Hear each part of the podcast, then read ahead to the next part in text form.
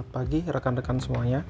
Oke, di kesempatan kali ini saya ingin uh, sharing mengenai aliran piroklastik atau uh, produk vulkanisme eksplosif di Gunung Raung. Oke, seperti kita tahu ya, suatu gunung berapi itu secara umum bisa erupsi dengan dua tipe. Yang pertama tipe efusif dengan tenaga yang lebih kecil, produknya juga tidak terlalu apa namanya uh, apa yang membentuk pecahan-pecahan artinya berupa lelehan lava saja biasanya. Kemudian tipe kedua itu tipe eksplosif. Biasanya ini akibat tekanan yang lebih tinggi energinya lebih tinggi menghasilkan produk yang membentuk fragmentasi atau pecahan-pecahan yang kita sebut sebagai piroklastik. Oke. Secara umum dalam ilmu vulkanologi modern piroklastik ini dibagi menjadi tiga ya. Yang pertama uh, piroklastik jatuhan atau debu vulkanik kalau misalkan kita secara umum menyebutnya. Kemudian uh, piroklastik aliran ini kita sebut sebagai wadus gembel misalnya jadi uh, apa namanya piroklastiknya turun melalui lereng seperti mengalir dalam tanda kutip.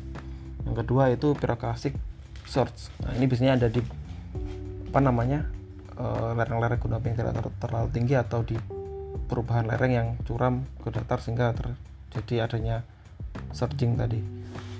Oke. Di Gunung Raung ini seperti gunung api strato pada umumnya ya karena strato pasti ada perselingan antara lava dan piroklastik sehingga pasti ada produk piroklastiknya di sana. Oke. Untuk kondisi saat ini, oke, Gunung Raung aktivitas erupsinya bertipe strombolian juga menghasilkan erupsi eksplosif yaitu produk utamanya adalah abu vulkanik atau piroklastik jatuhan seperti yang jelaskan tadi.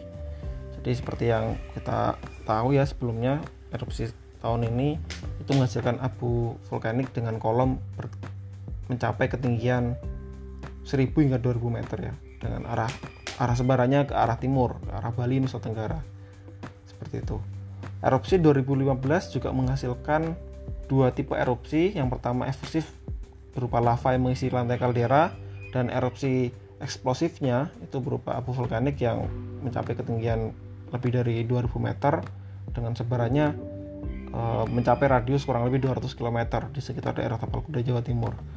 Oke, jadi potensi e, apa namanya piroklastik jatuhan di Raung memang cukup cukup tinggi ya resikonya yang pertama oke okay, abu vulkanik ini meskipun berukuran kecil itu bisa mencapai daerah yang jauh dari gunung berapinya. Karena transportasi menggunakan energi angin. Gunungnya boleh diraung tapi abunya bisa sampai ke lombok. Nah itu contohnya. Yang kedua abu vulkanik ini bisa mengganggu uh, areal apa namanya suatu kawasan yang cukup luas. Ya seperti pertanian ya.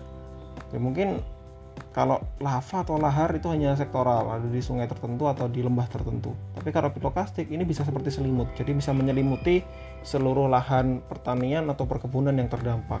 Atau bahkan pemukiman seperti itu. Oke selanjutnya abu vulkanik ini bisa mencemari air bersih yang ada di daerah e, masyarakat ya sehingga kita punya mata air atau kita punya sumur atau punya penampungan air. Ketika terkontaminasi oleh abu vulkanik ini itu bisa berbahaya. Oke.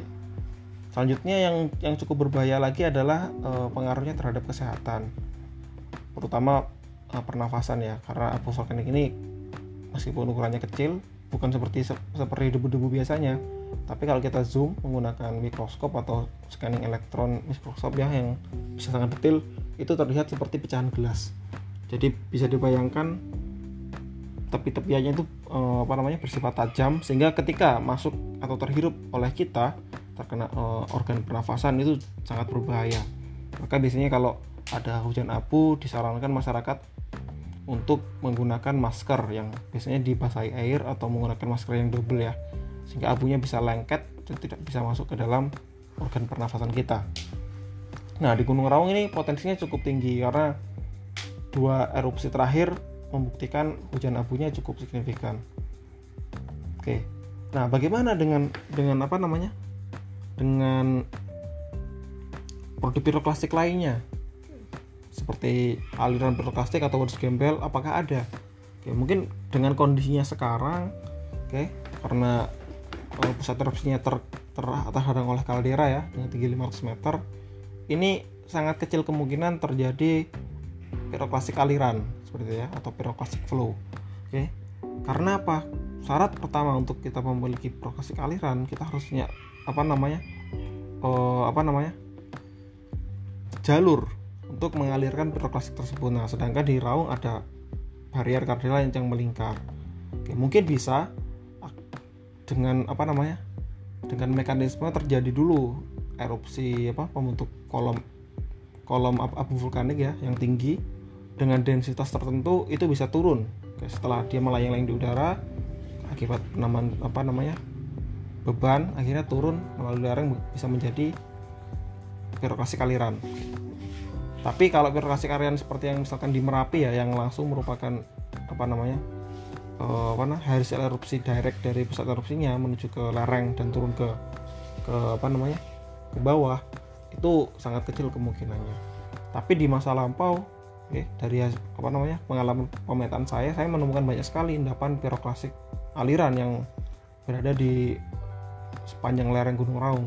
Yang paling terkenal itu adalah endapan piroklasik aliran 1638 ya yang mengalir ke arah selatan dari kecamatan Gleonmor kemudian Sempuh hingga ke daerah Songgon. Itu dijumpai endapannya cukup tebal.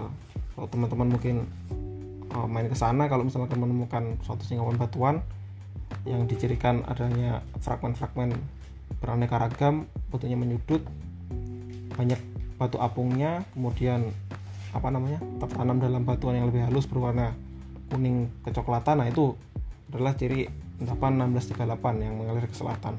Nah ini juga terkait dengan apa nih perpindahan uh, apa namanya pusat pemerintahan kerajaan Belambangan yang sebelumnya berasa, berada di sekitar daerah Laung berpindah ke arah timur ke daerah uh, Macan Putih.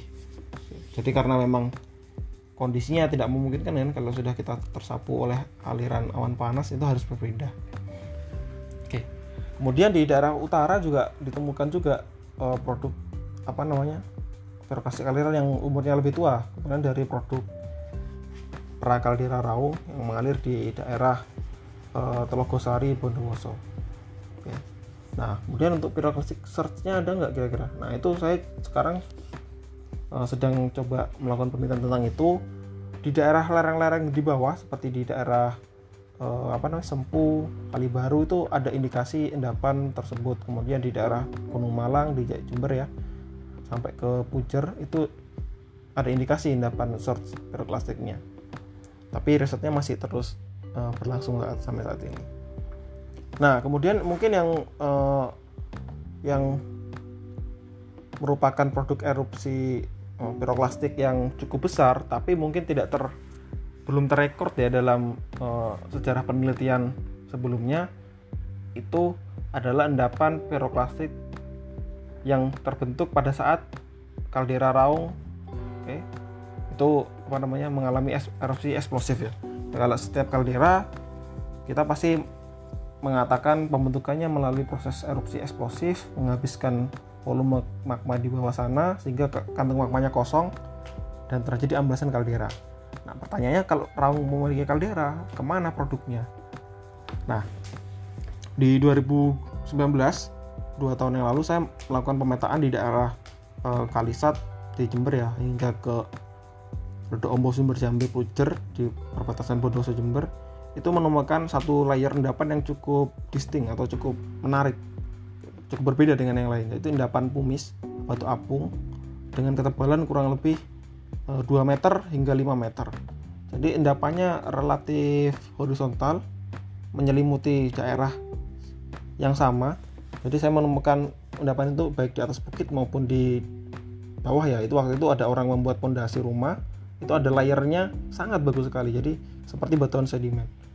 Nah endapan ini secara umum bersifat unconsolidated ya jadi belum terkompaksi.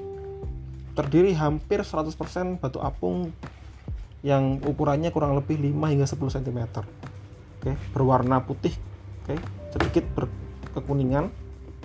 Yang ketika saya uh, telusuri endapannya semakin menebal nih menuju lereng Gunung Raung di daerah Sumber Jambi dan Ludombo itu semakin menebal. Jadi prediksi saya kemungkinan besar oke okay, endapan ini merupakan endapan uh, yang terbentuk bersamaan dengan uh, erosi evolusi pembentuk kaldera raung. Nah, didukung didukung oleh data bahwa endapan ini ini menumpang di atas produk-produk prakaldera dan di bawah produk pasca kaldera itu erupsi abu vulkanik yang terbaru ini yang bersifat basaltik ya yang warna hitam andesitik. Nah, itu ada di atas di atasnya. Oke, sehingga hipotesis saya sampai saat ini ya itu adalah salah satu produk yang dimuntahkan Gunung Raung pada saat pembentukan kalderanya.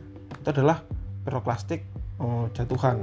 Jadi pumice airfall kalau di dalam di Gunung Vesuvius di Italia itu dikenal sebagai pumice airfall. Ini sama kira-kira seperti itu.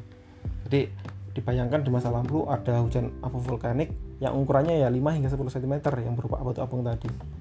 Nah, itu terbentuknya pasti akibat erupsi yang cukup eksplosif ya seperti itu.